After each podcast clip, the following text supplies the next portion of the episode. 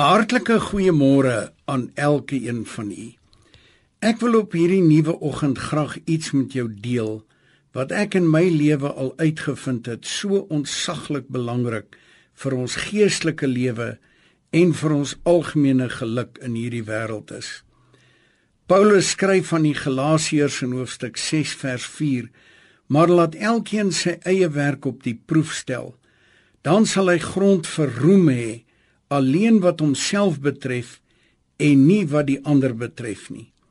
'n Ander vertaling sê dan ook en sal hy nie nodig hê om homself met ander te vergelyk nie. Weet jy hier is 'n beginsel wat as ons dit toepas in ons lewens, dit van ons soveel gelukkiger mense sal maak. Van kleins af begin kinders hulle speelgoed, hulle prestasies, hulle maas en paas met die van hulle maatjies te vergelyk. Selfs boeties en sissies is baie keer van kleins af in 'n kompetisie met mekaar gewikkel. Geliefdes, neem vandag 'n kwaliteitsbesluit dat jy jou nie weer met iemand gaan vergelyk nie. Jy sien vergelyking het twee dinge tot gevolg. As jy volgens jou vergelyking beter as die ander persoon vaar, maak dit die deur oop vir trots of hoogmoed. Die woord sê dat God weerstaan die hoogmoedige. Die oomblik as jy jouself vergelyk met iemand anders, gaan of hy of jy die slegste uit die vergelyking kom. Paulus sê dan ook dat hy sal roem alleen wat homself betref, maar nie wat die ander betref nie.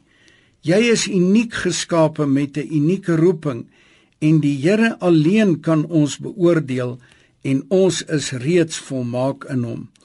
As ons onsself vergelyk met iemand anders en ons oordeel dat ons sleg afsteek by die ander persoon, het dit die slegte gevolg dat mense minderwaardig voel en voel dat hulle nie goed genoeg is nie.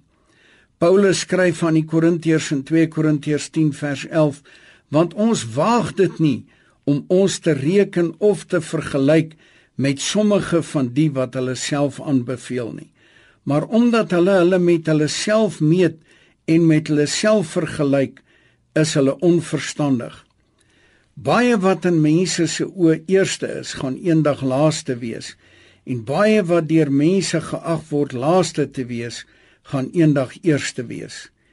Hoor wat sê Paulus: Laat elkeen sy eie werk op die proef stel, en dan sal hy kan roem, maar net in opsigte van homself en nie ten opsigte van iemand anders nie. Kom ons bid saam. Here, gee my die genade om in hierdie dag en voortaan nooit myself met ander te vergelyk nie. Amen.